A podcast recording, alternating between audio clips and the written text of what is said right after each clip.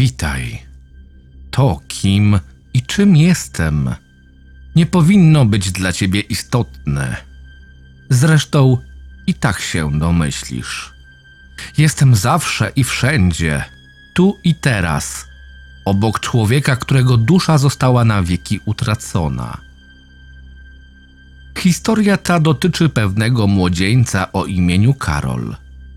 Inteligentna, lecz przez swą ciekawość głupia zarazem ta istota. Pewnego dnia przeprowadził rozmowę ze swoim dziadkiem, człowiekiem o barwnej przeszłości, krwawej, tajemniczej. Opowiedział mu o swoich przeżyciach za czasów wojny, o bezwzględności Niemiec, o tym, co go kiedyś spotkało. Poznał trzech członków SS Totenkopf-Verbande, zarządców niemieckich obozów koncentracyjnych. Mieli bardzo dobry kontakt, często umawiali się na przyjacielskie spotkania, przy okazji pijąc i paląc bez żadnych hamulców. Oni z kolei często opowiadali o swoich krwawych torturach na więźniach żydowskich, gwałtach i o wielu innych okrucieństwach. Pewnego dnia zmarli w niewyjaśniony sposób. W tym samym momencie. Dlaczego? Dziadek Karola wyszedł tylko na balkon zaczerpnąć świeżego powietrza, myśląc, że gdy wróci, będzie go czekać karna kolejka za zrobienie sobie przerwy od rozmowy. Lecz jedyne co go czekało, to widok trzech trupów zwróconych w stronę obiektywu aparatu. Na stoliku między popielniczką a pustymi kieliszkami leżało zdjęcie, wykonane tuż przed ich śmiercią w niewyjaśniony sposób. Ich twarze były bez wyrazu, bez duszy. W tym momencie Karol przerwał dziadkowi i zapytał, czy w dalszym ciągu posiada to zdjęcie.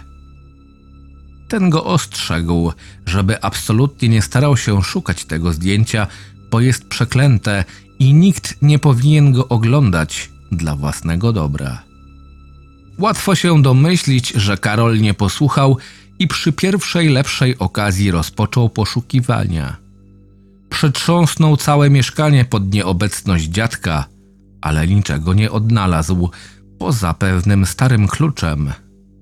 Nie miał pojęcia, do czego mógłby pasować.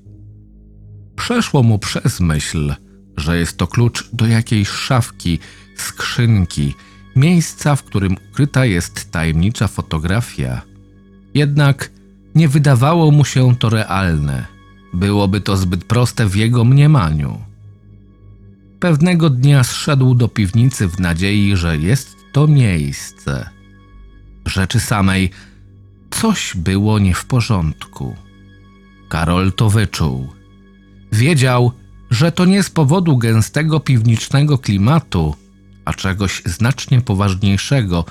Miał wrażenie, że jest obserwowany. W stercie kurzu i dziesiątek przeszukanych kartonów odnalazł wiele dokumentów i zdjęć, ale nie widziało mu się przeglądanie wszystkich, bo były ich setki. W pewnym momencie poczuł delikatny dreszcz. Podszedł do ściany i przyłożył do niej ucho. Usłyszał lekko świszczące powietrze. To tutaj, pomyślał. Przebił się, uderzając kilkukrotnie z całej siły w prymitywnie zabudowaną ceglaną ścianę młotem, który leżał wcześniej na półce z narzędziami. Ciekawe, prawda? Wszystko, co było konieczne, miał zawsze pod ręką. Po drugiej stronie był stary komin, a w nim średnich rozmiarów kufer zamknięty na klucz. Podniósł go i przyłożył mniej więcej w centrum pomieszczenia i przymierzał się do jego otwarcia. Wziął głęboki wdech, przekręcił kluczem w prawą stronę. Zamek odskoczył. Piasek? pomyślał. Zanurzył swoją rękę głębiej i wyczuł coś na dnie. To było zdjęcie.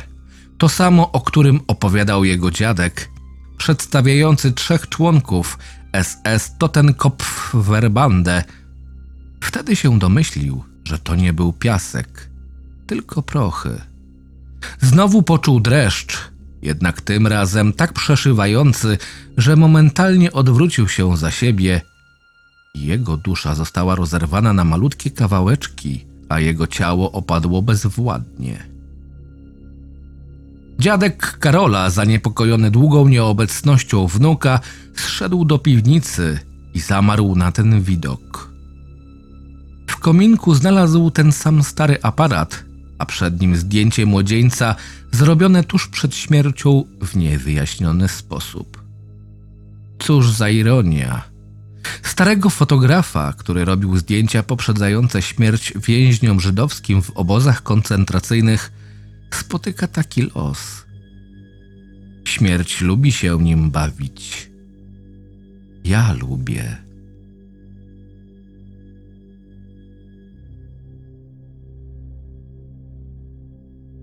Czytał Krystian Kieś. Zapraszam do subskrypcji mojego kanału.